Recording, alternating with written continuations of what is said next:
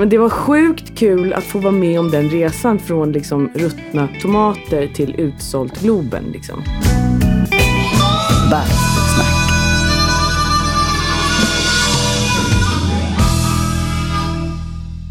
Hej och välkomna till avsnitt 70 av Bastusnack. Podden där jag, David Granditsky, sätter mig i bastustugan nere vid sjön och pratar med mina vänner och bekanta, som ju oftast kommer från samma bransch som jag. Det vill säga, ja, nöjes och underhållningsbranschen. Bastusnack sponsras som vanligt av Tylö Helo Bastu. Det självklara valet när det gäller basturum, ångbadslösningar och wellnessprodukter. På Tylö.se så kan du hitta allt du behöver för den ultimata bastun eller, om du hellre vill det, det lilla basturummet som ryms i din klädkammare. Variationerna är oändliga. Hos Tyle Helo hittar du ett rikt utbud av bastuprodukter. Surfa in på tyle.se och shoppa loss. Själv har jag ju ett uh, Sport sportbastuaggregat som jag är grymt nöjd med. Det blir varmt på ett kick, så det är lätt att spontanbasta när andan faller på. Surfa in på tyle.se och läs mer. Ja, idag har jag alltså Malin Mases Arvidsson som gäst i bastun. Malin är ju bland annat känd som Kerstin Holm i Arnedal-filmerna som det har gjorts en hel drös av. Eh, I övrigt har hon ju setts på en mängd olika roller på teatrar runt om i vårt långa land. Idag kom hon på besök med sin lilla plutt, två månader gamla Aurora. Det hörs ibland. Um, ja, det är inte ofta man har gäster som ammar, men varför inte, tänkte jag. Det gick ju himla bra. Vi pratade om allt möjligt idag och Eh, det kom även upp en del ganska tunga saker. Det är inte jag riktigt van vid, eh, ska jag helt ärligt säga. Men eh, ja, vi körde på och allt som vi pratade om tyckte Malin var okej okay att vi använder även här i podden. Hon har ju även talat ganska öppet om barnet hon förlorade här om året i, på många ställen och det är ju någonting som vi faktiskt inte tog upp så mycket den här gången eftersom det har pratats om det förr. Men nu ska jag inte låta som en dysterkvist här. Eh, vi pratar om väldigt många roliga saker också och ja, nu ska jag sluta tjata om vad vi pratar om eller inte, men vi kör direkt till bastun där Malin tar plats i soffan.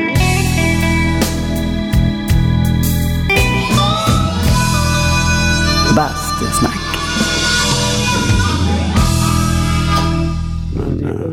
Det, det smackas kanske smack. lite, vi ser. Välkommen till Mammapodden! det blev plötsligt, plötsligt så blev det här en bebispodd. Det är roligt. Det har jag aldrig gjort. Otippat. Välkommen till Föräldraprat med David Granditsky. ja. Känns det coolt? Nu Ja. Ska vi? Ja, Jag har sett fram emot... Är, rullar vi? vi rullar hela Ja, vad tiden. härligt. Nej, men jag har sett fram emot det här. Det här har jag sett fram emot. Att få träffa dig och ha bastupodd. Liksom. Så att jag är så glad att jag fick komma hit.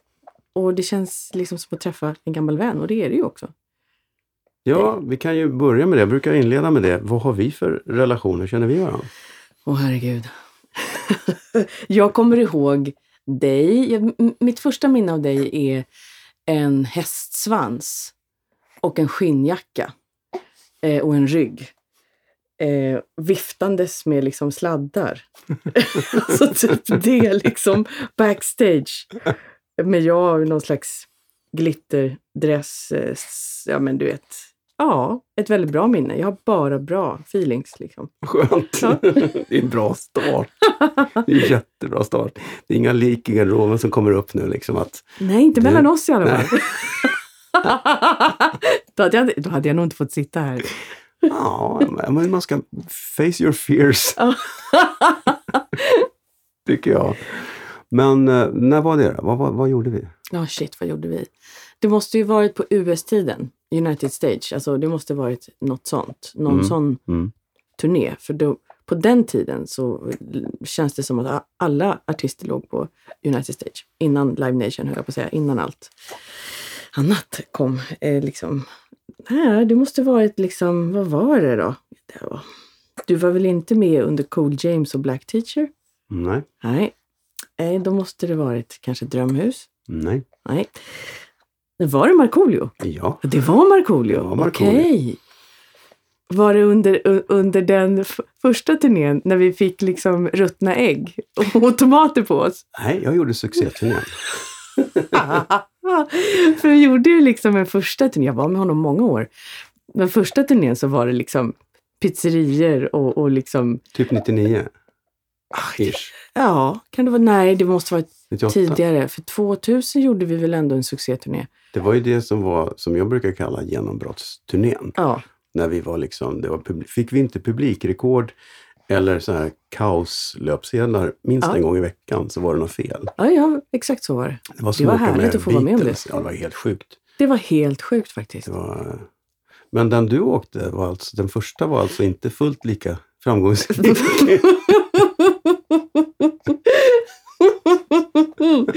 det var ju liksom, eh, eh, vi var ju typ tre pers på scen. Eh, jag och Marco och eh, Anna tror jag det var, Anna Tiam. Vi körde liksom eh, bakgrundssång och eh, dans och så. I, iförda olika skidmuderingar och strandtoppar. Eh. Ja, det var väl typ de två låtarna han hade. ja. Och så körde han dem typ flera gånger då, eller hur? Vad hade han med? Vi hade, inte, vi hade inte ett så långt set kan man säga. Nej, okej. Det var sånt där klockan 12 på diskot. Typ. Ja, typ. Oh my god. Och så Alltså. stod ni där och var liksom... Det men- skulle inte ens vara politiskt korrekt idag kanske. vi var helt, nej det var inte, det var långt ifrån. Men jag, jag har väl aldrig varit PK Nej, och kommer nej. aldrig bli. Nej, Fel, fel person. inte liksom. han heller Nej. Men det var sjukt kul att få vara med om den resan från liksom ruttna tomater till utsålt Globen. Liksom. Det De var väldigt tyckte- kul. Ja, det var så hårt för honom alltså. Ja. Ja, men vi, men vi garvade åt det också. Alltså det var på något sätt, ja ja. Det är ju några som tycker om det i alla fall. alltså liksom, vi hade kul. Vi hade skitkul. Men jag minns ju det, när det gick så bra den här sommaren som började med typ när jag fick turnén så var det kanske 12 gig. Ja, Eh, men när vi slutade så var det 56. det var Det galet. small till så och vi gjorde dubbelgig. Vi spelade i Helsingborg på, på eftermiddagen och så flög vi upp till Östersund och gjorde ett gig där och det var Ja. helt sjukt. Men då minns jag hur han hela tiden han var ju helt inställd på att nu var det bara den här sommaren, sen är det slut. Mm. Han kommer inte att... Och det var ju många som hade sådana där. Det var ju såna, Jalle och Heavy, kommer du ihåg dem? Just det. Ja. Men det fanns ju många sådana här akter som var, eller Dr. Bombay, han var ju i det facket. Ja, exakt. Det här clownfacket. Men plötsligt så blev han liksom folkkär. Ja. För att han har ju någonting innanför pannbenet. Nu säger inte Ja. jag att Dr. Bo- Dr. Bobby inte har det. Men jag kan bara tala för Marco. Och Marco har ju verkligen det. Liksom. Eh, han är störtskön. Liksom. Och sen, eh, men det, jag förstår att det blev helt koko i hans eh, huvud. Mm. För jag menar från att ha varit en så här plojgrej som var så här, ja ja, vi får se, det här gör vi bara för att det är lite kul. Så blev det liksom någonting som han kände så här, oj, men det här kan jag faktiskt, vad, vad ska jag göra med det här? Mm. på något sätt. Och jag tycker att han har hamnat eh, helt rätt. Där Mm, han ja, gud, liksom ja. får uttrycka, liksom, han är jäkligt bra på att spela teater. Liksom. Han har alltid varit det. Mm. Hur länge har du känt honom? Kände du honom innan? det där? Nej. Nej. Nej, vi totades ihop där av Dennis på US tror jag. Eller om det var Jocke, jag kommer inte ihåg om det var Stenhammar eller om det var Dennis. Men på Mm. något sätt så liksom hamnade vi vid samma bord och bara okej, vi kör liksom. Herregud. Rock'n'roll. Ja men den turnén var ju verkligen rock'n'roll. Jag vet inte hur många vi var som åkte. Det var ju bara tjejer i bandet. Ja. Och så var ni, var ni två eller fyra dansare? Eller slash Vi var, kör? nog, vi var nog två den dagen. Nej men ni var två dansare och sen, var, det två typ- kör Ja, också två va? körtjejer där också. Var inte det typ... Var det Jenny? Velvet? Just Ja. Och, det. åh, Anna Berglund. Ja, det hette hon kanske. ja. Mm. Precis. Mm. Kommer jag ihåg eftersom Ja. jag känner henne. Ja. Annars hade jag nog inte kommit ihåg det. Nej, Så här. Nämn en körsångerska för 20 år sedan. nej men gud, svårt. Nej, det var 19 år sedan. Men ja, det är otroligt. Är det så länge sedan? Ja, men Åh, han gör ju, det här Glo. Globen är ju 20 år sedan. Det är inte 20 år sedan Globen, för det är bara 19, men det är väl 20 år sedan hans, han, han började sin karriär. Ja. Det är ju sjukt. Det trodde han väl aldrig? Nej, det tror inte jag. trodde nog ingen. Nej, och tänkte också liksom efter Globen så vad ska man göra då? Mm. Nu blir det På inget något sätt. Men det var liksom, Ja, det gick ju prima. det var fantastiskt faktiskt. Det var otroligt roligt att göra det. Ja. Vilket, vilken, vilken tid. Men det, det känns som en annan Malin. Alltså det, det är ju inte det.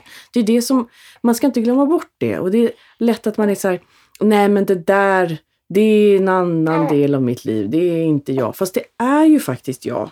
Och det ska Mm. man ju stå för. För det är ju skitbra på något Men sätt. jag, jag, eh, om man ska gå, jag, som jag minns dig då, jag lärde inte känna dig jättebra då Nej. heller. Jag ska inte säga att vi känner varandra skitbra, men tillräckligt mycket för att känna att det här är bra. Liksom. Ja. Men jag fick en sorts feeling av att du hade lite rörigt, att du var en lite strulig tjej i de där åren.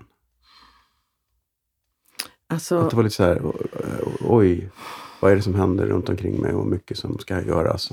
Jag tror att, jag, att det, det, det är nog eh, både en tillgång men också en, en eh, akilleshäl. Liksom, som är mycket bättre nu. Med åren så blir allt mycket bättre. Men, men, men att det var mycket, ja, att det, jag ville nog väldigt mycket åt olika håll. Och då är det lätt att det blir splittrat liksom. Mm. Ja. Det är nog så. Var liksom partaj och gig och full fart. Ja, ja, det ja. Leva livet. Ja, men Mm. alltså det, jag tycker ju om att göra saker ordentligt. Så jag menar, ska det turneras så ska det ju turneras. Ja, ja, ja. Och ska det festas, då ska det festas. Eh, men på något sätt är det liksom... Ja, det är väldigt få saker jag ångrar. Det är vissa saker jag ångrar. Liksom, eh, men det är sjukt få saker jag ångrar. Alltså, de sakerna jag ångrar är mera sådana saker som har gjort att kanske jag har pajat liksom ett jobb som jag skulle kunna gjort. Eller liksom att det har blivit dubbelbokningar som jag är så här, vad i helvete Malin liksom. Mm. För där har man liksom pajat för andra på ett sätt som, som, och för mig själv på ett sätt som jag bara önskar att jag hade kunnat göra ogjort. Liksom. Men när det kommer till att leva och liksom eh, eh, festa och, och sånt så nej, jag hyser ingen ånger. Nej. Du har ett, jag har ett citat som jag knappt har sagt till någon, som kommer från dig. Eh, en natt. Jag tyckte det var väldigt roligt. För jag tyckte det var så självklart. Du sa nämligen, nej men det är ju inte otrohet om det är samma kön. Jag tyckte det var så magnifik bortförklaring så att jag har aldrig varit Åh oh, gud. Ja, det måste. Det var... Ja, okej. Mhm. Exakt. Eh, jag håller inte med mig själv idag. men jag förstår min, motiver, min motivation då. Eh, eftersom att jag, jag tyckte ju att liksom, ja, men det här måste jag ju få pröva. Och då... Åh gud. jag gillar mig själv ändå på något sätt. Jag vet inte om vi går in på marken nu som vi inte ska vara. Jo, det ja. får vi absolut. Ja, nej men det var, jag tyckte det var väldigt roligt. Ja men gud. Ja, men det är väl lite otroligt på det. Men ha, ha, var jag påkommen på något sätt då? Liksom, konfronterade du mig? Eller nej, jag liksom tror att sådär- det var någon sorts allmänhet att folk visste att nu var, hade det varit partaj här och hade hänt saker här. Åh gud. Och du bara fullständigt självklart utbrast detta. Och då tänkte man, ja okej.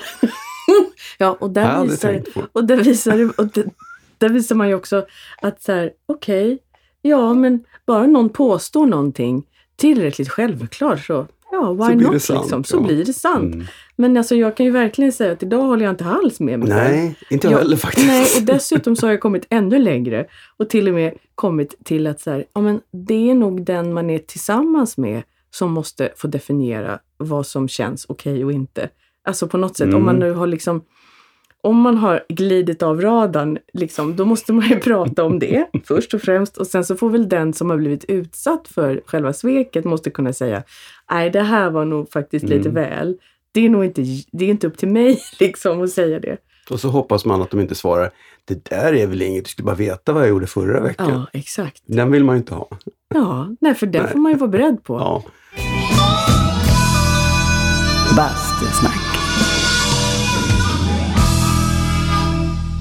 Hur hamnade du i det här på United Stage i det här facket? Var dans slash kör, för det var det du var? Liksom. Jag blev räddad från en kriminell.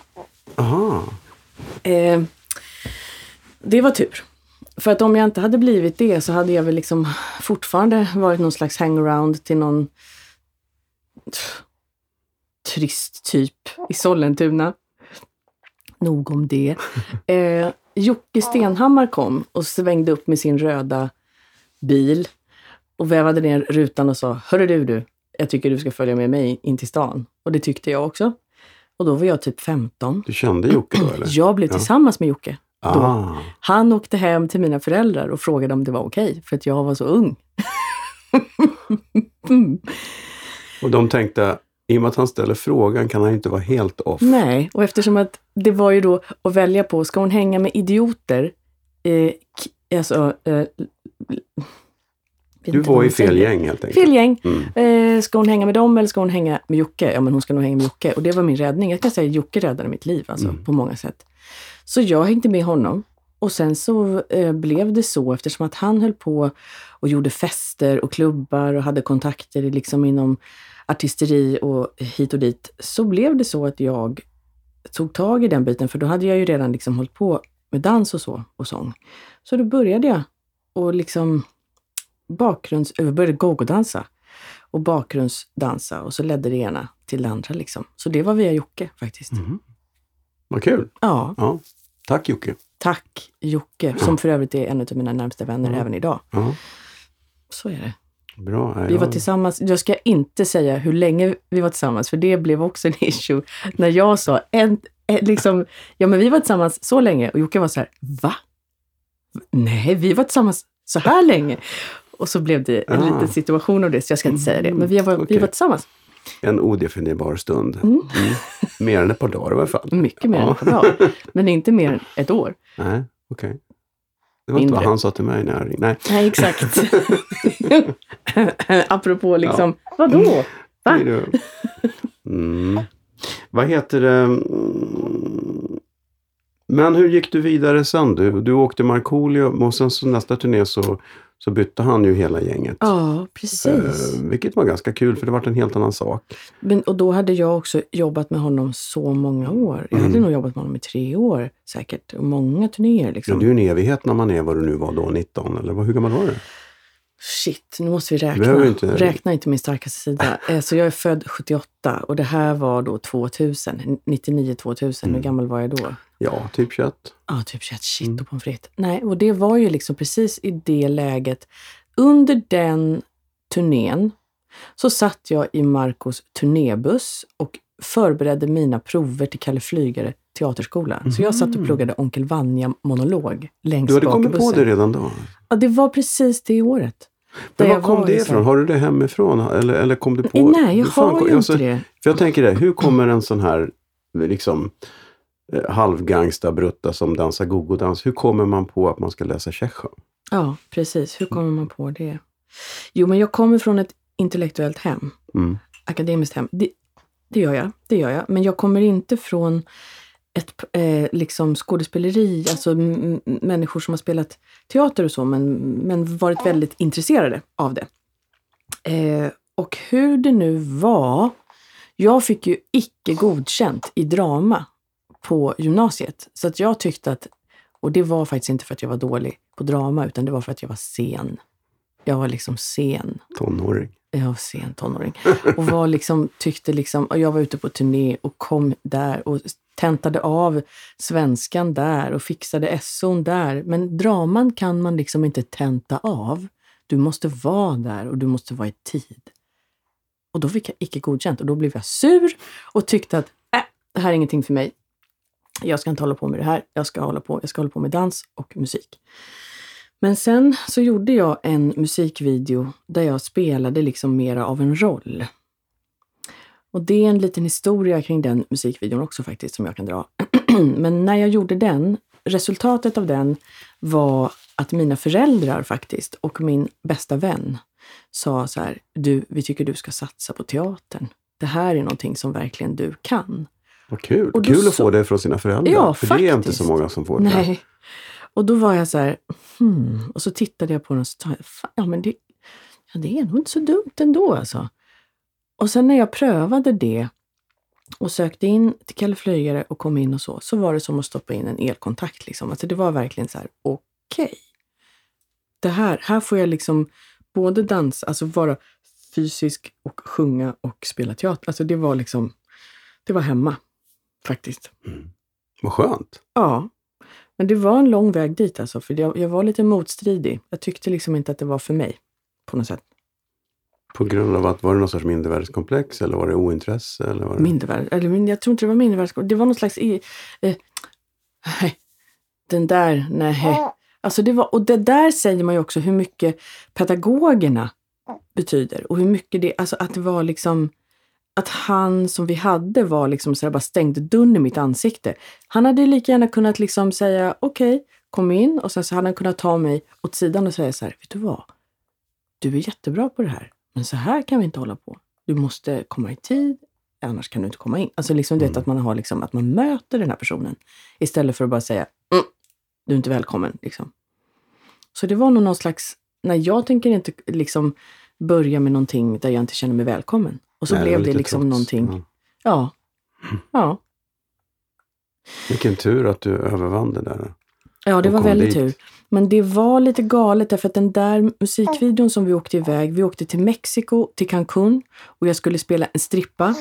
För hela den eh, låten handlar om det. She wanna be, wanna, wanna be a superstar. Det är liksom, hela den storyn är om en tjej som liksom gör vad som helst för att komma Vem var till toppen. Navigators. Navigators. Navigators. Det är ju ett namn som man inte har hört på många år. Nej, det är jäkla tragiskt mm. därför att David Cessay hamnade i fängelse i LA. Ah, det är dåligt. Det är inte kul. Är han kvar där? Han är kvar, förstår du. Han fick livstid. Men oh. jag hoppas att han kommer komma ut någon dag. Liksom. Alltså, wow. Det är värsta ödet faktiskt. Han, men han gör musik på kåken där och liksom de har startat, han har, han har startat någon slags eh, musik eh, community liksom där eh, även Kardashians är mm. inblandade Nej. och har liksom uppmärksammat hans jobb. Wow. Mm. Men du har kontakt med honom? Via Facebook liksom. Mm. Ja, men det... det men den, när, när vi gjorde den videon så var jag väldigt tydlig med att ja visst, jag kör gärna liksom, för då skulle vi spela in på en riktig strippklubb. Och så var jag så här, jag dansar gärna liksom poledance och hej och hå, hoppsan hejsan, men jag tar inte av mig. Jag tycker inte det behövs. Jag tycker inte att, liksom, alltså jag var väldigt tydlig med, jag vill inte visa liksom tuttar och mus. Men det jag kan man ju antyda Exakt, Ja. exakt. Mm. Jag, jag, ville liksom göra det, fast inte göra det liksom snask. Eh, men då gjorde de så att de filmade mig Eh, och liksom mitt ansikte och skitfina bilder som hade räckt gott och väl. De var mycket starkare, hävdar jag. Och sen klippte de in bilder på liksom, där man inte ser ansiktena på mm. tjejerna. Mm. Okay. Med liksom mycket mer vulgära bilder. Och jag kände mig så jäkla lurad. Jag var mm. så här, för jag var så tydlig med det här och jag var och så liksom bara körde de över mig. Och jag var så jävla ledsen därför att där blir det ju liksom jag som hamnar i skiten. Vem ska tro på mig när jag säger så nej men det är inte jag som visar, det är inte jag som gör det här. De kommer bara, eller hur? Mm, liksom. Mm. Och jag var så jäkla ledsen och det kommer jag aldrig glömma. Liksom, för det var verkligen så här, men de var fina, de försökte gottgöra det i efterhand så att de liksom gick ut i intervjuer och sa liksom det är inte hon som strippar typ. Helt jättekonstigt. Men jag var så här, Det är inte tjejen i filmen som har, nej. Ja, men, mm.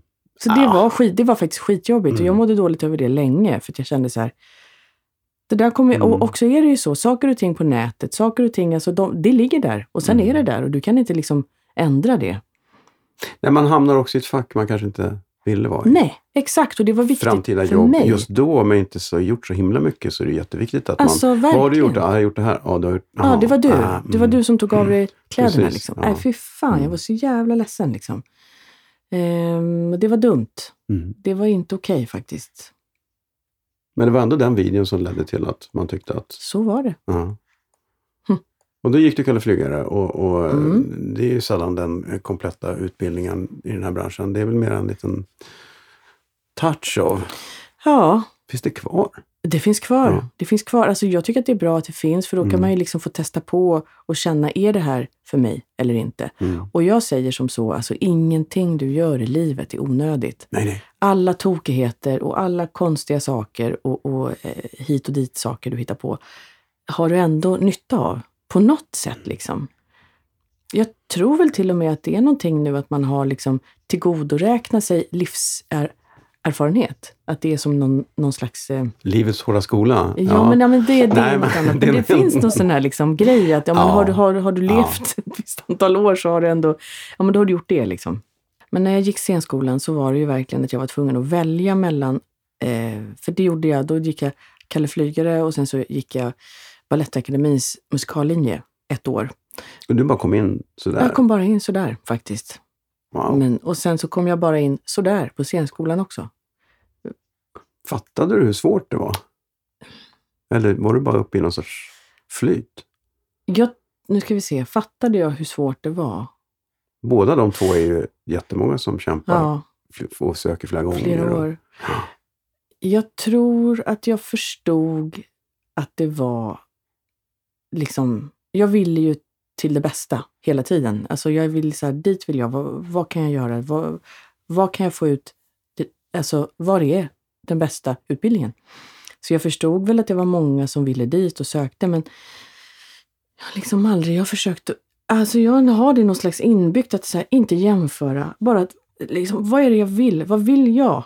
Vad vill jag? Jag vill det här. Ja, men då, då gör jag det.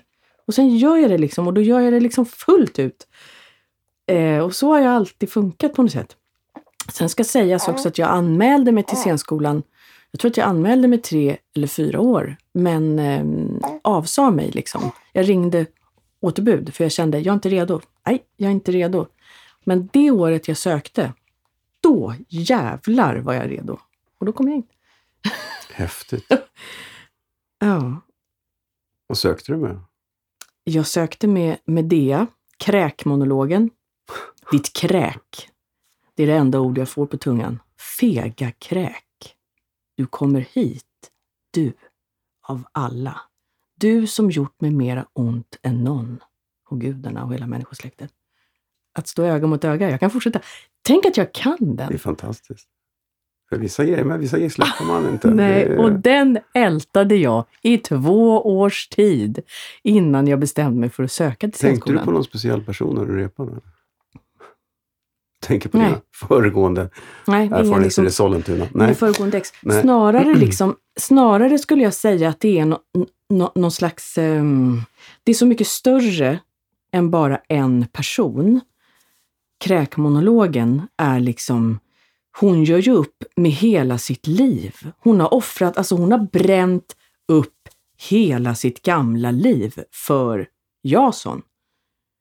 Så för mig var det liksom på något sätt hela mitt liv. Det var, alltså det var Mm. så. Det var som att jag bara...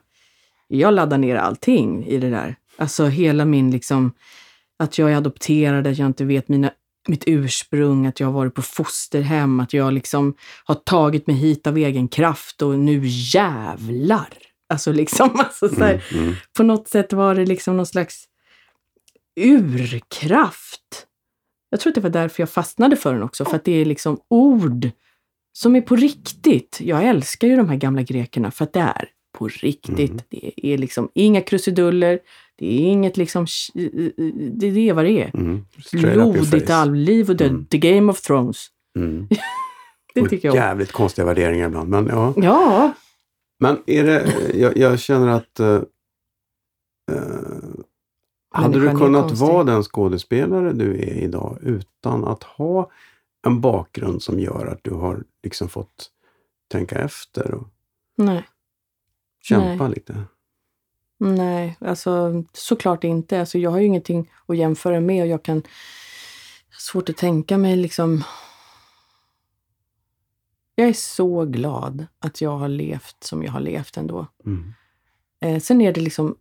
Det är, bara- det är min, min impulskontroll som jag hade velat ha lite bättre grepp om. Liksom. Men i övrigt ångrar jag ingenting. Och jag är så tacksam över allting som jag har fått uppleva. Mm. Det är några få saker liksom. Men känner du att du har fått För, för du har ju varit sökande och eh, Mm. undrande och eh, kämpande. Mm. Men har du landat nu lite Nej. mer? Är du vuxen nu? Nej. Nej. Nej, men alltså jag tror på ayurveda. De säger att man är barn fram tills man är 30. Sen är man ungdom tills man är 60. Och sen är man vuxen tills man är 80. Och från 80, då är man gammal. Mm. Jag tror att jag passar in på det. Mm. Jag är, befinner mig i min ungdom. Mm. Jag gillar tanken. Men eh, vad ska jag säga? Men jo, det är klart att jag har landat mer. Verkligen landat mer. Mm. Eh, och med det så blir jag ju liksom mindre rädd. Eh, alltså alla, alla tråkiga och jobbiga saker har blivit mycket lättare och mycket mindre. Och den här liksom... Eh, det som är jag, som, som, som, som alltså... Ja, men allt det positiva får mycket mer plats och allt det som är nyfiket och eh, orätt får mycket mer plats. Och det är väldigt skönt att liksom ängsligheten och rädslan minskar med åren. Och det gör att allt blir mycket, mycket bättre och mycket, mycket lättare. Men du har ju varit eh, väldigt positiv och haft ett väldigt starkt go. Ja. eh, eh, genom, var, var kommer det ifrån? Du har ju liksom inte Medfött varit någon alltså. som har suttit hemma och tyckt synd om dig själv, Nej. utan du kör ju på. Alltså jag tror att det är medfött. Jag vet inte vad jag, alltså jag vet inte vad jag ska, alltså det är någon slags kraft i mig som, som jag bara är så tacksam för att jag har. Och har följt. Sen har jag inte gjort det fullt ut och många gånger så kan jag tänka, jag, åh, om jag liksom inte hade haft den här eh, eh, känsligheten för att bli bortvald eller känsligheten för att eh, hamna utanför, då hade jag eh, eh, kunnat vara mig själv fullt ut ännu mer. Och liksom kraften hade fått flöda ännu mer och det hade blivit bättre. För det är i de stunderna som det har gått lite åt pipan. När de sakerna har liksom stökat lite och bökat lite och spökat lite i mig. När du känner att du kanske inte passar in i ett jobb då, eller, eller privat? Nej, det Eller? är nog snarare alltså att jag får för mig saker. Att jag bara "Aj, gud, nej men nej. Alltså på ett sätt som är så här, åh, jag kan se var det kommer ifrån. Jag kan se att det kommer ur det här.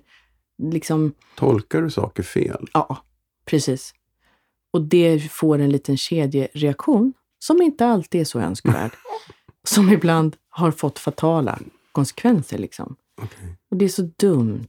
Och, om jag kunde, om jag, och det är ju ingenting jag kan göra ogjort, utan det är ju snarare bara att omfamna, acceptera, gå vidare, inte bli bitter. Utan bara så här, okej, då gjorde jag det. Och det blev sådär. Och det var inte bra. Och det är bara att hoppas eh, att man får göra det på ett annat sätt, bättre nästa gång. Alltså, Men Ja. slutsumman har ju blivit ganska bra. Du, du, du, du har ändå rätt bra flyt efter scenskolan. Du fick jobb direkt. Du har gjort så in i helskotta mycket. Ja, man glömmer kanske bort det. Alltså det är på något sätt också är det som skådespelare att man är bara, inte bara, men man är sin sista roll, man är sin sista film, man är liksom, det är så... Det är Men du har ändå lyckats hoppa runt. Det, finns, det händer ju ibland att man blir lite nischad. Man Mm. hamnar i musikaler eller barnteater eller Mm. eh, draman eller vad det är. Det, det, du har ju gjort allt möjligt från Markoolio och Ja. framåt. Du har gjort Pippi och Shakespeare och Norén. Ja. Och, Ja, jag är så tacksam. eh, Det, det har varit viktigt för mig därför att det är, jag har det i mig. Jag brinner för det. Liksom. Jag brinner för att få göra Love och Cirkusfåglarna för liksom 60 barn på Dramatens Lejonkula. Lika mycket som jag brinner för att göra Shakespeare på stora scen. Liksom. För mig är det lika viktigt och det är lika mycket på allvar. Och det, det, är, det är så roligt. Det är så roligt och jag klarar mig inte utan det ena eller andra. Liksom. Jag, det, det, det är inte att vara, alltså jag känner mig hel när jag får göra det. Och också liksom, det var någon gång när jag fick göra så här, det var någon eh, Först så gjorde jag någon väldigt seriös filmroll, jag vet inte vilken det var, men det var kanske Arnedal. Arne Dahl. Och sen så efter det så var det att jag skulle göra Micke och Veronica var det också, liksom gjorde jag. Och då var det också att det var så här komedi, liksom, helt. Och jag älskar ju det. Jag tycker det är jätteroligt liksom, att få göra liksom, komedi med David Helenius. Liksom. Och så, ja men liksom den bredden. Det är väldigt roligt att få göra det. Vad var det första du gjorde efter scenskolan? Hur, eh, det var nog Du redan, ut det och- första jag gjorde eh, efter scenskolan var liksom på något sätt innan scenskolan. För jag blev kontrakterad på Stadsteatern i Stockholm redan innan jag gick ut. och sen så passade jag även på att föda barn då. Mitt i alltihopa födde jag Alfonsina och det gjorde att jag behövde ett, sab- eh, liksom ett halvår off från skolan. Och då hamnade jag såklart i Stockholm, för där hade, hade, hade liksom hela min familj bor där. Och sen så skulle jag göra praktik och då blev det på Stockholms stadsteater. Och då norpade Benny mig i, på tre år och bara var så här, du ska stanna kvar här. Och det tyckte jag också att jag skulle. Eftersom att jag kände att mm, tillbaka till Göteborg med ett barn blir tungt och svårt, för då har vi liksom inget stöd. Så då bestämde jag mig för att jag skulle stanna kvar på Stockholms stadsteater. Men det var också en så här, ja, då valde vi det. Eh, men eh, då hade jag också, i ett läge där hade jag möjlighet att tacka ja till ett längre kontrakt på, på Göteborgs stadsteater. Både jag och min dåvarande partner Danilo och lilla Alfonsina, vi fick möjlighet att kunna jobba på Göteborgs stadsteater under lång tid, under Anna Takanen. Mhm. Och då var det så här, nej, då tackade vi nej till det för att vi behövde vara i Stockholm. Liksom. Men vad hade hänt om vi hade sagt ja till det? Då hade jag jobbat med Anna och sen blev Anna chef över Stockholms stadsteater. Du vet så här, mm, ja, ja, jo. livet. Fast nu kom du ju dit ändå. Det Ja. gick ju fint. Hur trivdes du på... Så kan man ju Ja. också tänka David. Tack snälla. Ja. Men hur trivdes du på Stadsteatern då? Det var ju ganska långt ifrån en Markoolio-turné. Är det det? Ja, festerna kan i och för sig balla ur på samma sätt. Jag vet, Jo, nu ska jag inte säga, nu har vi inte någon från Stadsteatern här som kan prata om det här, men vi, jag var där på 80-talet och då kunde jag, festerna balla ur. I varje fall. Men det här är ju lite senare, det här är ju på 2000-talet och det, jag vet ingenting om festerna då. Numera tror jag att de är alkoholfria till och med. Ja. Det kan ju finnas en anledning. ja, ja men det, verkligen. Men det är ju det också. Jag menar alkoholen flödar ju liksom i de här yrkena. Det kanske de gör i andra yrken också. Jag ska inte säga så liksom. Men det är ju någonting med det där liksom. Så det kanske bara är bra. Samtidigt är det trist.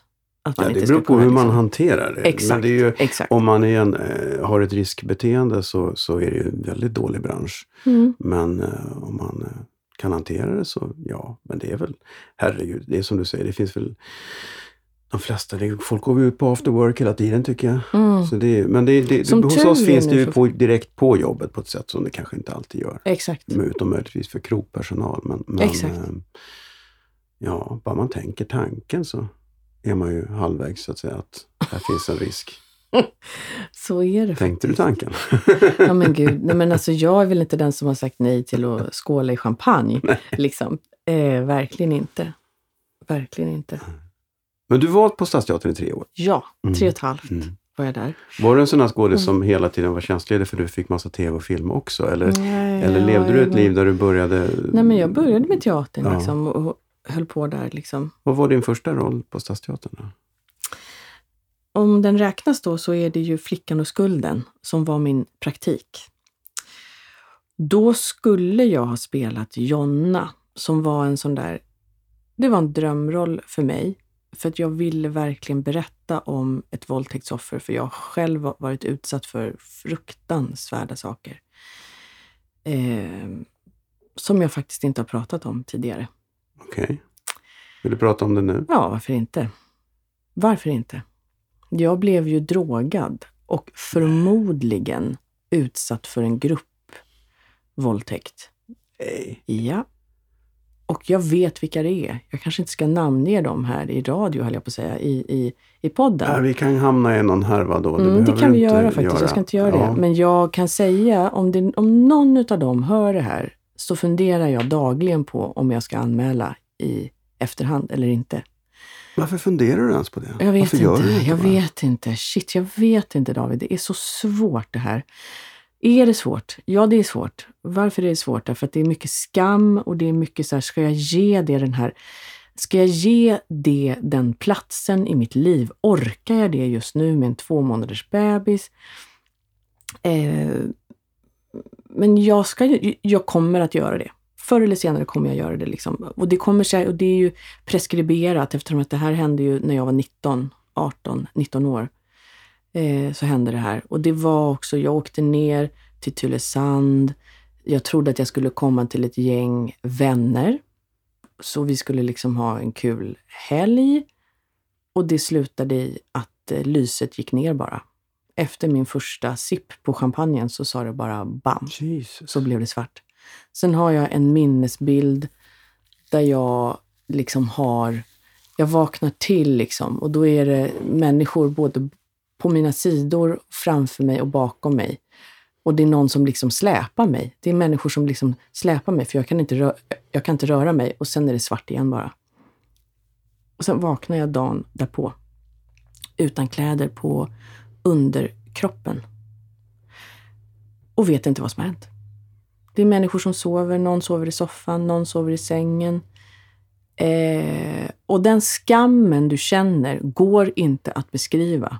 Och speciellt inte eftersom att det är med bekanta och, och vänner som du tror att du känner. Det är så jävla hemskt. Och dessutom var jag i en relation. Alltså du Ja, vet, men det är så här. ja, jag kan inte riktigt... Men det, det är ju... Och det sorgliga är att Ja. reaktionen som kom då är liksom någon slags, att man liksom fnittrar bort det och bara är så här, ja, ja, oh, oh, Men det är liksom. väl för att det är så fullständigt obegripligt. Det är så jävla vidrigt. Och liksom skrapar ihop sina kläder där, går tillbaka till sitt rum, försöker hitta sina grejer. Tog en dusch, kommer jag ihåg. Kastade iväg mig själv och bara ville hem. Och la locket på liksom. Vad är det som gör att man inte bara åker rakt till polisen då? Är det rädsla, skam? Vad är det som är... Skam tror Och så är jag. man ung och, och, Ja. och ensam. Skam och någon slags chock alltså. Chock. Ja. Eh, och jag var helt ensam. Jag hade alltså ingen, ingen, ingen vän till mig med. Liksom. Alltså jag, eh, liksom jag var typ enda tjejen. Liksom. Det var många, det var mycket kill, det var ett stort killgäng som jag hängde mycket med. Liksom. Jag, så här i efterhand så kan jag se att jag gick ju rakt in i fällan. Liksom. Fast... hur ass- Hade du sett sådana tendenser Nej. förr? Nej, Nej. men då är det ju inte... Nej. Du ska ju inte ta på dig skulden Nej, för nej, det. för i helvete. Det är ju... Hur fan ska du veta det? För att jag menar, en tjej måste ju kunna hänga med ett gäng killar utan att tro att snart drogar de mig. Nej, och jag har ju ju inte. alltid haft väldigt mycket killkompisar. Alltså mina bästa vänner när jag var yngre, killar Mm. och killkompisar. Alltså jag har alltid haft mycket killkompisar. Liksom. Så för mig har det inte varit konstigt alls. Men är det här folk du har haft kontakt med efteråt också? Alltså man träffades ute på stan, på krogen. Jag vet att jag ringde den som stod mig närmast i det gänget och frågade ut och var så här, vad fan var det där? Vad hände? Och det var undanglidningar och det var liksom, jag fick inga raka svar. Och sen var det bara liksom som att locket lades på. Och du, och du, hade du någon att prata med själv? Alltså några Nej. vänner eller föräldrar? Eller, det kanske man det inte direkt... tog, nej, vet du, det tog lång Ja. tid innan jag nämnde det här för någon. Och jag var i en relation också. Det var så här, Han visste inget. nej! Nej, Jesus. om, om han hör det här så är det liksom första gången som man hör det här. Oj. Eh, det var helt sjukt liksom att det där hände mig. Men det var väl också för att jag kände så här, Åh, det var min impulskontroll nu igen. Nu är det ju jag som... Alltså man lägger skulden på sig själv. det, Jag du vet. har ju ingenting med det där att Nej, göra. jag vet! Idag, jag, jag vet! Och lik förbannat är det som att hjärnan går igång Mm. och tänker på ett sätt som är helt galet. Mm. Liksom. Hur lång tid tog det innan du pratade med någon om det?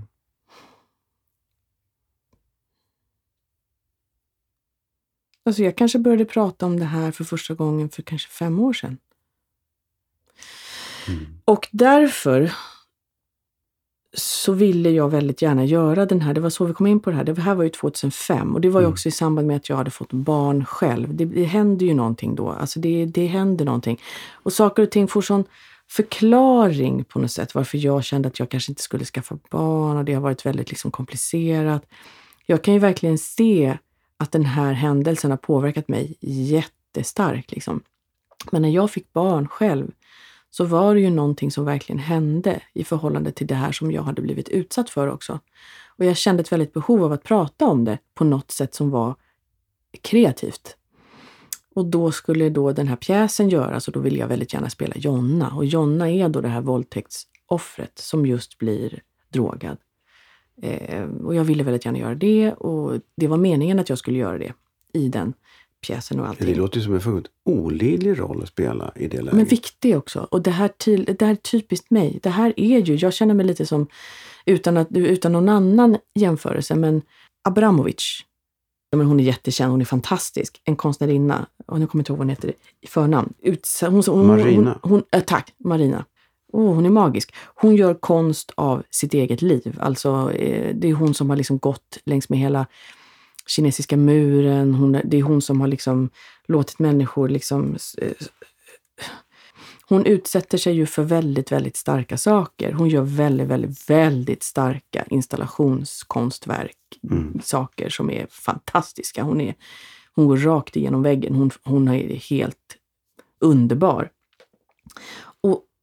Jag är väl lite lik henne på det sättet att jag liksom, jag känner att jag är inte alls rädd för att använda mina personliga erfarenheter och göra någonting vettigt av det. Även det som gör ont och det som är trasigt och det som är fruktansvärt. Jag vill gärna se, jag, jag, alltså det är som att jag bearbetar det på det sättet. Kan det jag, finnas en, en helande effekt av Verkligen. Jättemycket. Jättemycket. Och jag vill också tro att genom det så kan man hjälpa andra. Liksom. Mm. Jag ska bara knyta ihop ja. den där grejen så att vi inte Nej, tappar den bara. ja. Stadsteatern där. Mm. Därför då blev det nämligen så att jag skulle gjort den rollen. Men sen blev det inte så att jag gjorde den rollen därför att jag blev gravid med Alfonsina. Och då kunde jag inte spela Jonna därför att då skulle Jonna ha väntat barn och då skulle hon ha behållit ett barn som hon hade fått ifrån en våldtäkt och då hade det blivit en annan berättelse. Mm. Och där kan man också se så här, ja men vad hade det betytt? Tänk om jag hade gjort den rollen som jag skulle gjort. Vad hade det lett till då? Alltså det är, så här, Mm. det är massa sådana tankar som jag kan tänka. Ja, Som, men hade du orkat att göra det på Ja. riktigt? Absolut. Ja, tveklöst. Alltså ju För jag, verkligen. menar, jag vet att, att teater är teater och, och, och, och, det är ett jobb. Men man jobbar ju med sina känslor och, och, och, sig själv. Och i vissa lägen kan det nästan tippa över ju. Och framförallt när det är man någonting man har inte- varit med om själv Ja. kanske. Men då måste man ha koll på det. Att man känner att man, att man verkligen kan vara personlig utan att bli privat. För då blir det... Alltså det, teater är aldrig terapi. Inte på det sättet. Det är det inte. Men, man, men det kan vara liksom... Det, det kan ha ett läkande, en läkande effekt liksom. Men det är ju inte terapin i sig. Alltså det, det, det bara vägrar jag liksom. Men det kan verkligen ha konst Alltså jag vet läkande. många liksom. skådespelare som jag känner att de är Ja. skådespelare för annars skulle de vara knäppa. Ja, precis. Det Men fortfarande är det nog bra att de går i terapi och sen Mm. jobbar och använder sig av eh, hela sitt instrument på jobbet. Jättebra liksom. Men det ska fortf- för fortfarande, det tillhör inte det rummet att man liksom ska bli privat på det sättet. Personlig, absolut. Men ingen annan i det rummet ska behöva känna sig orolig för dig eller liksom orolig för sig själv. Eller, för att så fort någon blir privat så blir det obehagligt. För det blir så här, oh, eh. men, men när man har koll på det och kan använda det, då är det fantastiskt. Då är det rum som öppnas som är helt magiska. Liksom. Bastusnack. Det här var det tog en vändning jag inte hade tänkt mig, kanske inte du heller, men det, det, det är så ibland. Jag blir helt, eh, jag har inte riktigt eh, kommit eh, igenom vad du just sa. Nej, Wow! det är Ehm, helt sjukt faktiskt att jag har varit med om det.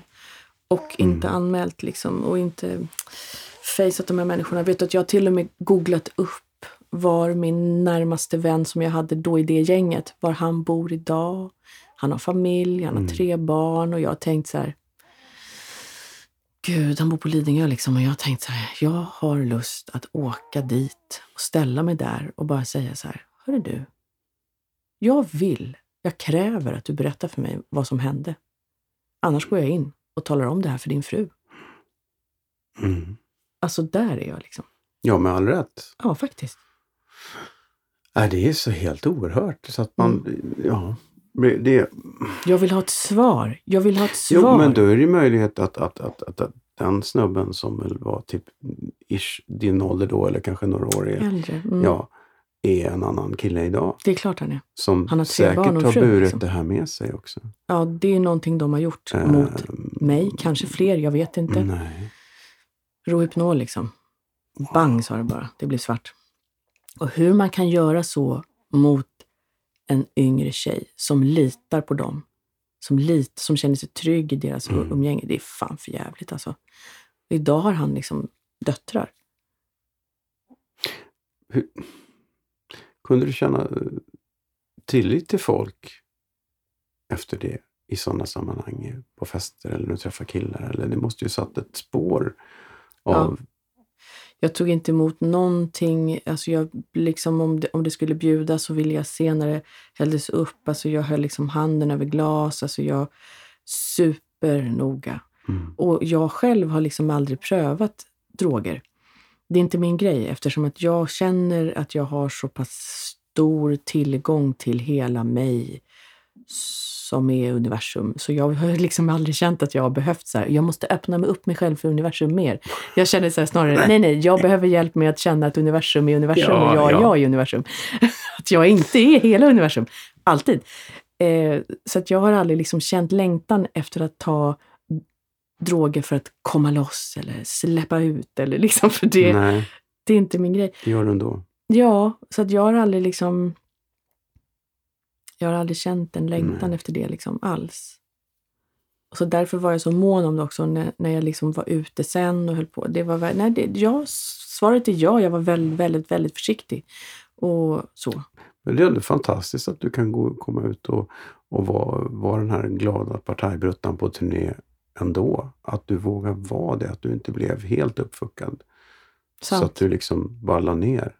För att, det, att, att palla att, att gå ut och träffa folk och ha kul är ju eh, Särskilt när du inte hade berättat det för någon. Det är ju Nej. helt obegripligt hur du kunde bära på, bära på det där så länge. För jag så tror år. att jag la locket på. Mm. Och jag har levt, även innan det, så har jag levt. Jag hamnade på fosterhem eh, när jag var 12 och skulle fylla 13.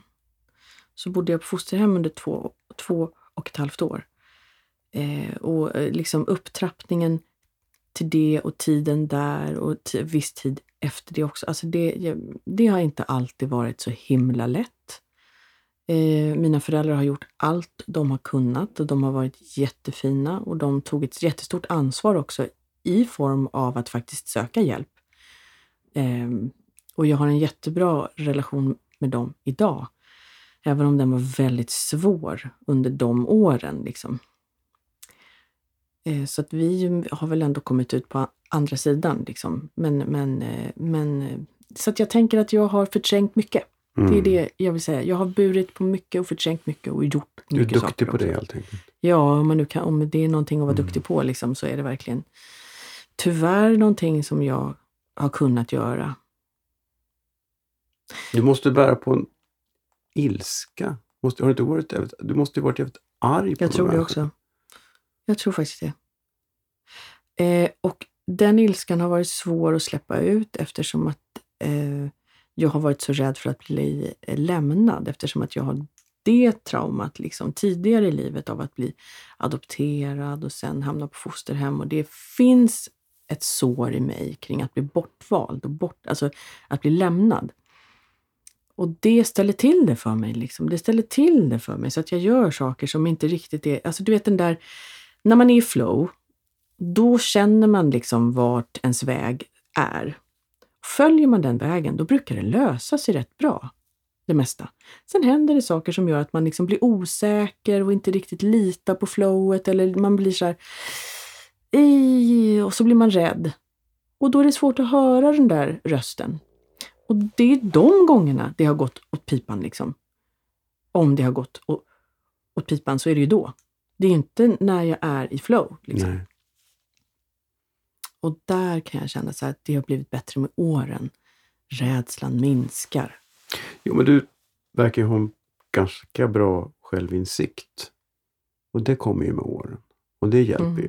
Att Mm. man kan bromsa sig själv och säga att men vänta nu, nu är vi här igen. Mm, mm.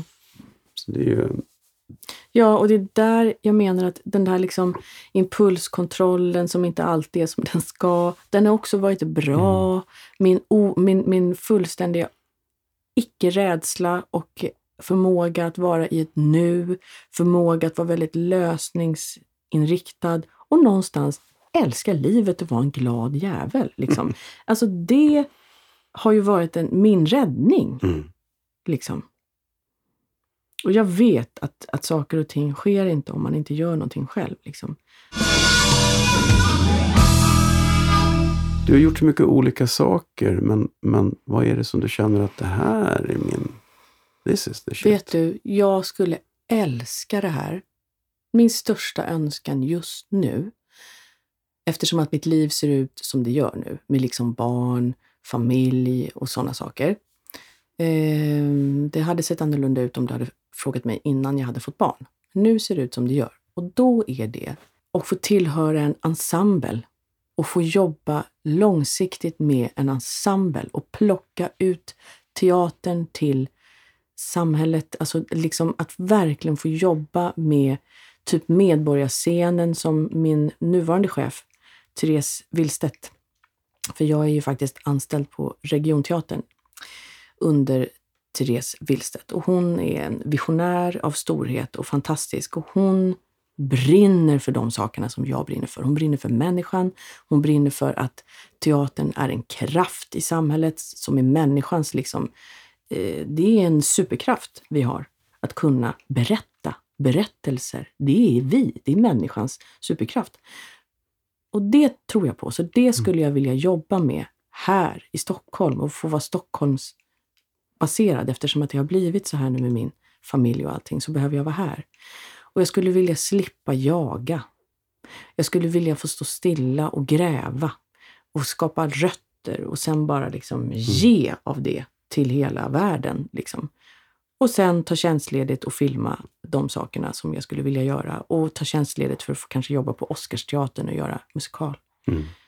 Men det har du aldrig gjort? Va? Nej, och vet du, För det är, det är så så, du är en sång och danstjej och så Ja. tänker man att du inte gjort musikal. Det är ju Nej, skitkonstigt. det är så konstigt och det är så sorgligt. Och jag vet inte hur jag ska göra för att folk ska förstå Shout det. out till alla musikalkreatörer där ute. Ja, Ring Malin. Ja. men då måste de våga satsa på det. Att de får liksom en skådespelare som kan sjunga, som Fan. kanske behöver lite längre tid för att instudera saker. Fine, men resultatet kommer att bli eh, liksom slänger i väggen, håll käften bra liksom. Men man kanske kan göra en Arne Dahl-musikal. Lägg En av. hårdkokt snut. eh, Lägg av, jag är seriös! Åh. Ja, men det är jag också. Nej, men då ska vi inte göra... Nej, Okej, vi kan okej. prata om deckarmusikal, absolut. men den ja. ska inte ha någonting med liksom... Vi kan göra Agatha Christie-musikal. Ja, Eh, men, men, nej, men verkligen, det, det är en stor sorg i mig. För jag tror också att, det, att, jag, att jag verkligen skulle kunna vara en tillgång. Mm. Eh, så det, det önskar jag verkligen att jag skulle kunna få göra. jag råkar veta att du, att du eh, har, har, har vid något tillfälle sjungit för Benny också. Ja, What was that? nära skjuter ingen hare, men jag har ändå sjungit för Benny Andersson. Så här. Herregud, jag skulle kunna ha det på mitt CV bara för att jag tycker att jag är så, alltså för att jag är så stolt över att jag ändå har gjort det. Eh, Dramaten skulle göra en... Det var på tal under Marie-Louise Ekmans tid att Dramaten skulle göra en nyskriven musikal. Och den skulle Benny delvis då stå för.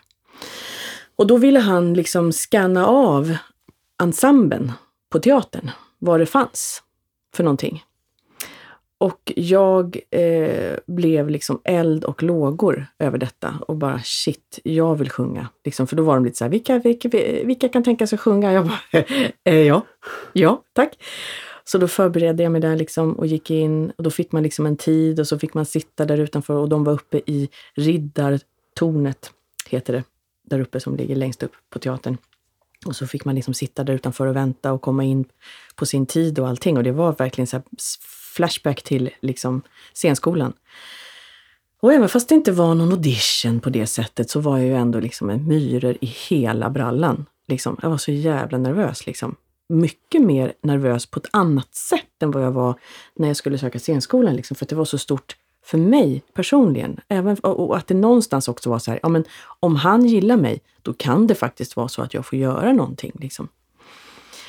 Så kom jag in och så sjöng jag eh, Bara en enda ros på ett evigt klänge. Underbart är kort. Povel Ramel. Sjöng jag den. Och så sjöng jag, jag tror att jag sjöng den här Röken ligger som en dimma när de börjar spela blues.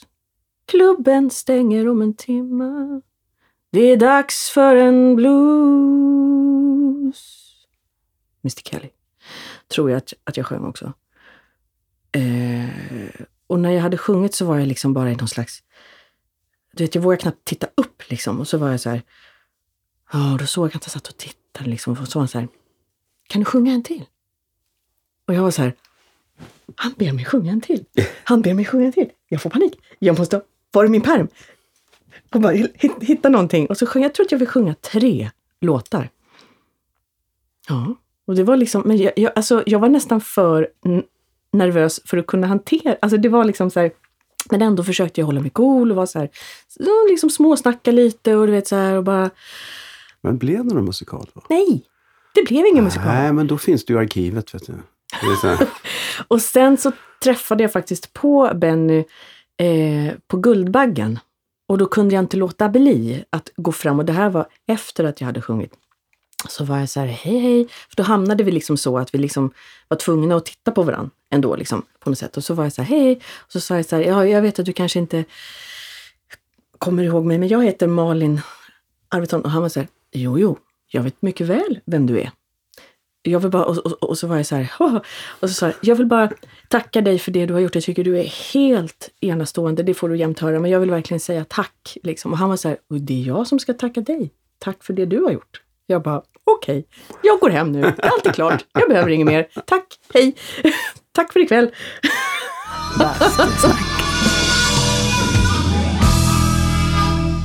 Det var lite väl mycket av det svarta, tycker jag, som du har fått stå ut med. Mm. Men, eh, men du har ju å andra sidan varit med om en massa ljusa saker ja, också. fantastiska saker också. Det, det och livet är saker... Det går ju inte att göra saker ogjort. Nej, och livet är randigt. Du mm. vet, om det bara skulle vara ljust så skulle man inte se det, att det var ljust. Det Nej. måste få vara randigt.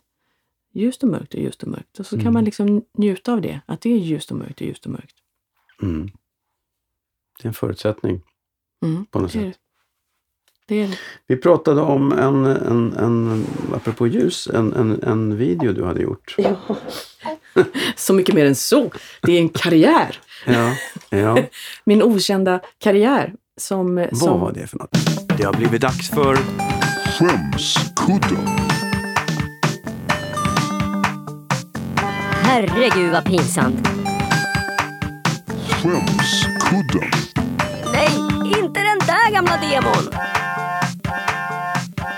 Jag läste någonstans att du, du bland dina talanger även innefattar street fighting. är det något från Sollentuna-tiden?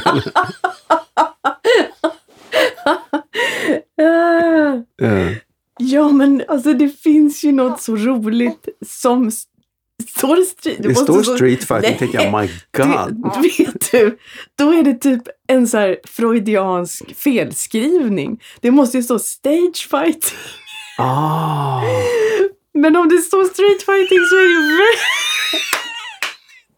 väldigt roligt. För att jag, det är nog rätt bra på också tror jag. Dansk skalle, inga problem.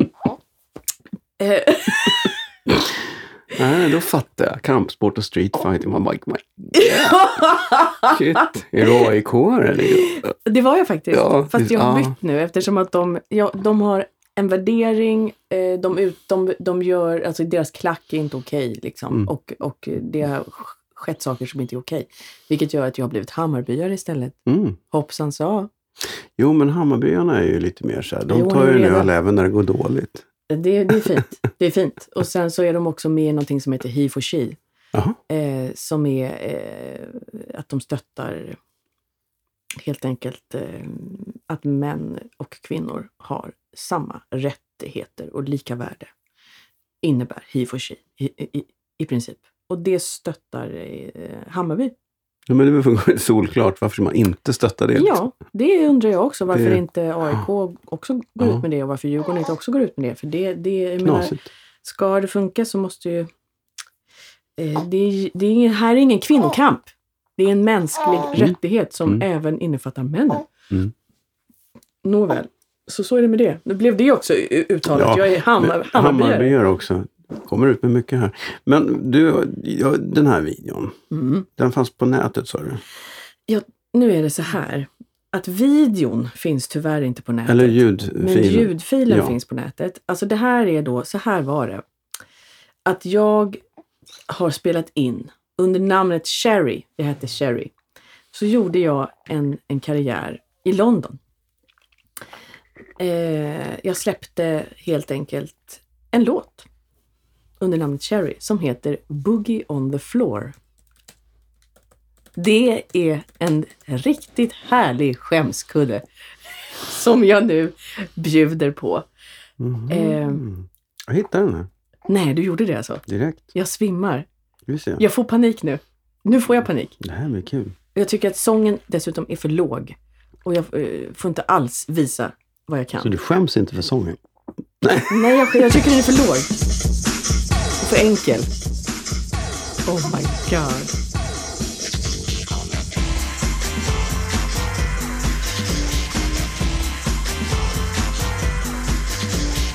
Oh dear. En sorts korsning mellan La Bamba och Boogie on Down.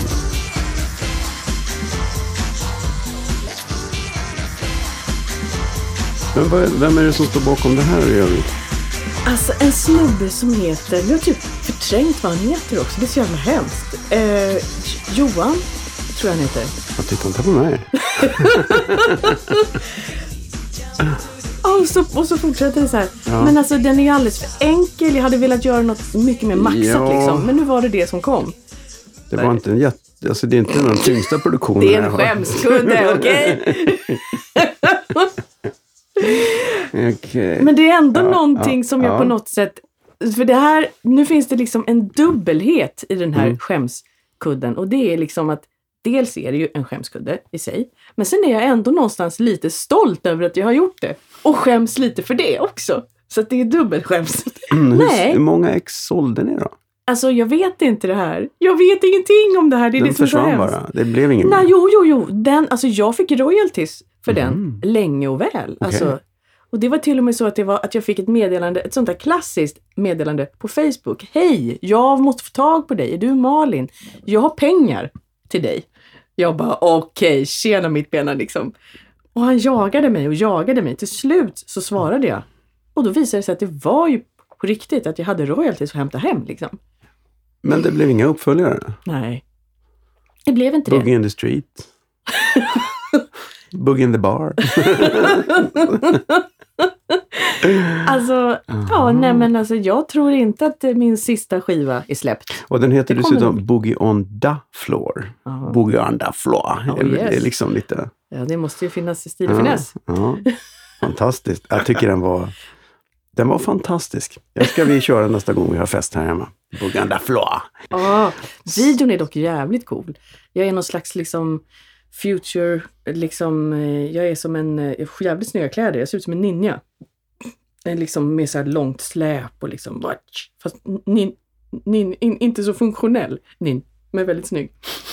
Som liksom är instängd i ett rum och, som, och där de liksom utför experiment på mig, där jag ska så här, slå ihjäl saker som kommer in. Det har inte så mycket med texten att göra, hör jag. Nej, jag vet inte om det var jag som chefade över den där idén också. Jag tror inte det. Men, men jag, jag gillar det. Bastusnack. Men vad gör du när du inte eh, sp- spelar teater eller skissar på att göra skivor? Vad, vad, vad, vad har du för... eh, Eller är du som alla andra i den här branschen, att du har inga hobbys? Du är bara hemma och Jag sjukt vilar när du Nej, nej, nej, jag har sjukt mycket hobbys. Älskar att, att rida. Så jag rider ofta och så mycket jag kan. Fast nu har det inte varit så mycket som att jag har väntat barn för ett barn. Jag dyker.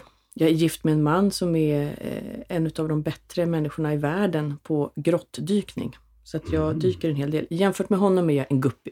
Ja, ja. Men jag är faktiskt rescue diver. Det är så? Ja, det är jag faktiskt. Scuba. Det känns ju supertryggt nu när vi ska hoppa i sjön där efter bastun. Exakt. Det, det är är- lugnt, du räddar mig, tack. Ja, så jag dyker och jag rider och jag älskar ju att träna som du re- redan har, har nämnt. Jag är ju mamma. Med det, det, det är mycket med det. Eh, just nu så känns det som att jag är till för alla andra verkligen. Just nu, jag har en bebis som är liksom två månader, två och en halv. Det är inte mycket jag kan Men du, göra för mig själv. Liksom. Du antydde förut att du var en, en, en mamma som kanske övermatar dina barn. Är du så här, är du så här väldigt mycket överbeskyddande och, och Ja! körlande? Ja! Jag måste erkänna att jag är det! Curlar du din tonåring? Jag har gjort det och nu får jag äta upp det. Vad är diskmaskin för något liksom? Vadå? Ska jag hålla reda på en tid? Jag ringer väl bara dig liksom. Och så försöker jag liksom i den mån jag kan så här, nej men nu, nu är det dags, nu ska du göra det här, det här och det här. Samtidigt som jag bara, fast nu har jag packat din väska, här är din väska. Och så ska du vara där då den tiden. Och så ringer du mig. Du vet, jag är fan hopplös liksom. Jag vet att jag måste släppa. Och jag ska vara helt annorlunda med Aurora. Jag tror inte du är ensam. Det är som det är. Det är härligt också. Känns det som att ditt... Eh, känns det som att du är 180 år gammal, men, men eh, jag tycker det känns Kanske som att du är. kanske har landat lite grann. Mm. Efter allt, eller, alltså du har ju varit med om så mycket skit så jag or- orkar inte med alla jobbiga prylar som du har. Men du har gjort väldigt mycket kul också ju. Mm, otroligt mycket kul. Eh, Och summan av kardemumman är kanske att du landar i någonting. Det känns som att jag har levt flera liv. Alltså du vet, jag har varit på Grammy Awards. När jag, där satt jag med min dåvarande man, liksom, Christian Lundin. Han, hade, han, hade, han var nominerad. Det var under hela liksom, Backstreet Boys, när de slog igenom och hela den grejen. Då var jag 2021, alltså, eh, alltså 19, 20, 21. Mm. och satt på Grammy Awards liksom och var så här, hmm, vilket, vi, vi, vilken, vilken riktning ska mitt liv ta? Alltså ska, jag, ska vi flytta, för det var ju verkligen så, ska vi flytta hit? Ska vi bo här? Vad blir det då för liv för mig?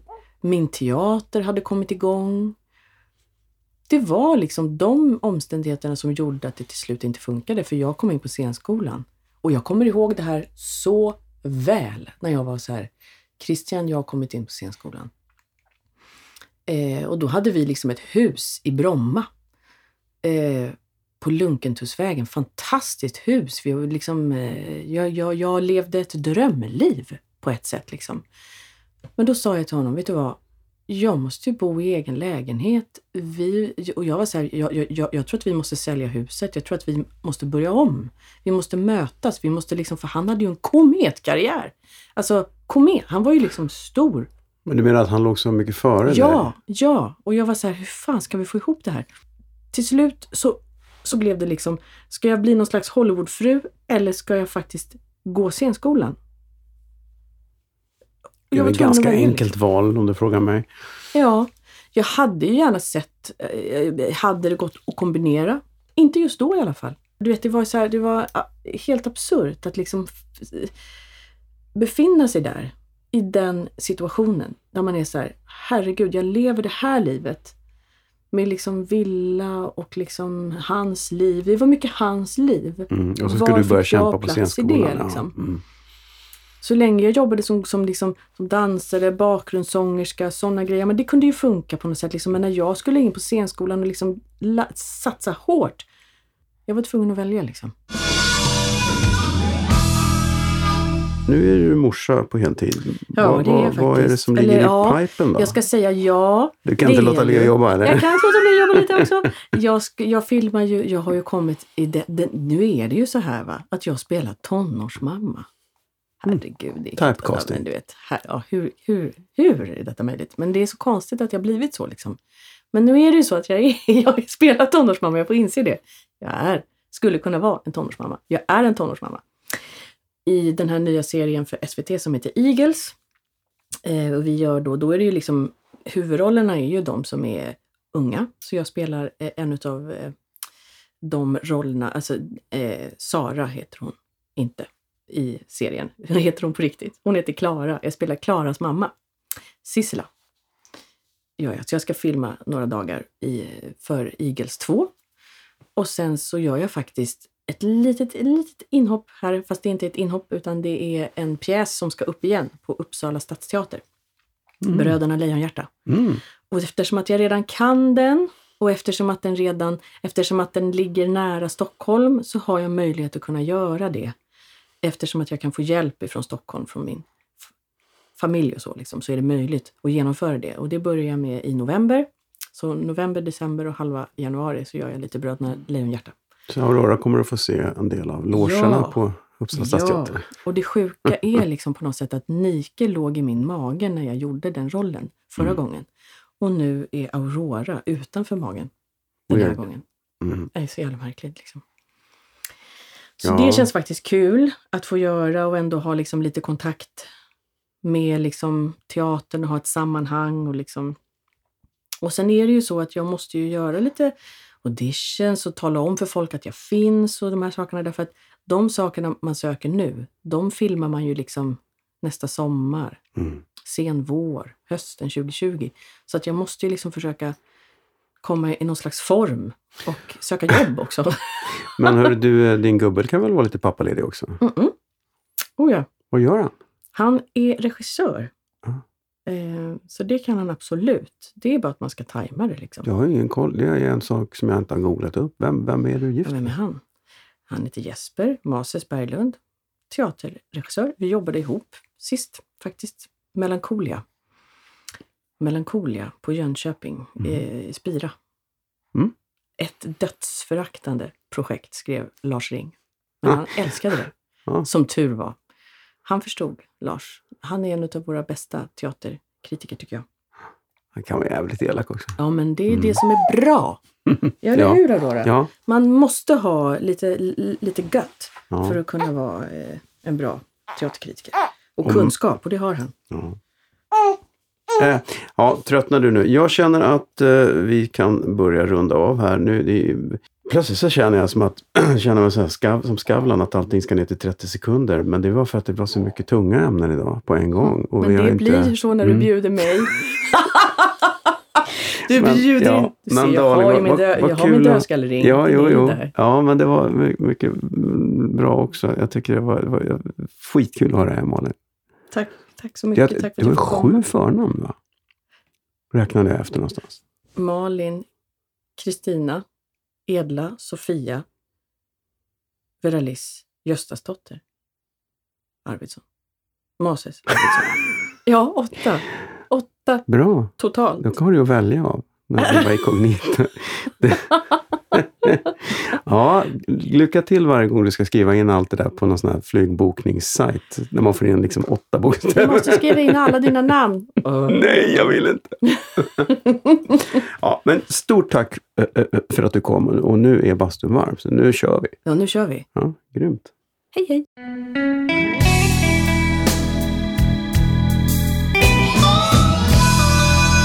Bastusnack. Tack för besöket Malin. Det var minst sagt omskakande. Det är inte varje dag man får höra sådana saker i bastun. Bastusnack sponsras av Tylö Helo Bastu. På tylö.se så hittar du precis allt du behöver för den ultimata bastuupplevelsen. Infrabastu, ångbastu, elbastu och vedeldat. Allt finns. Valet är ditt.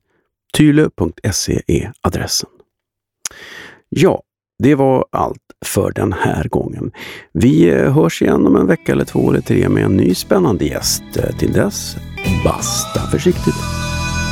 Bastusnack.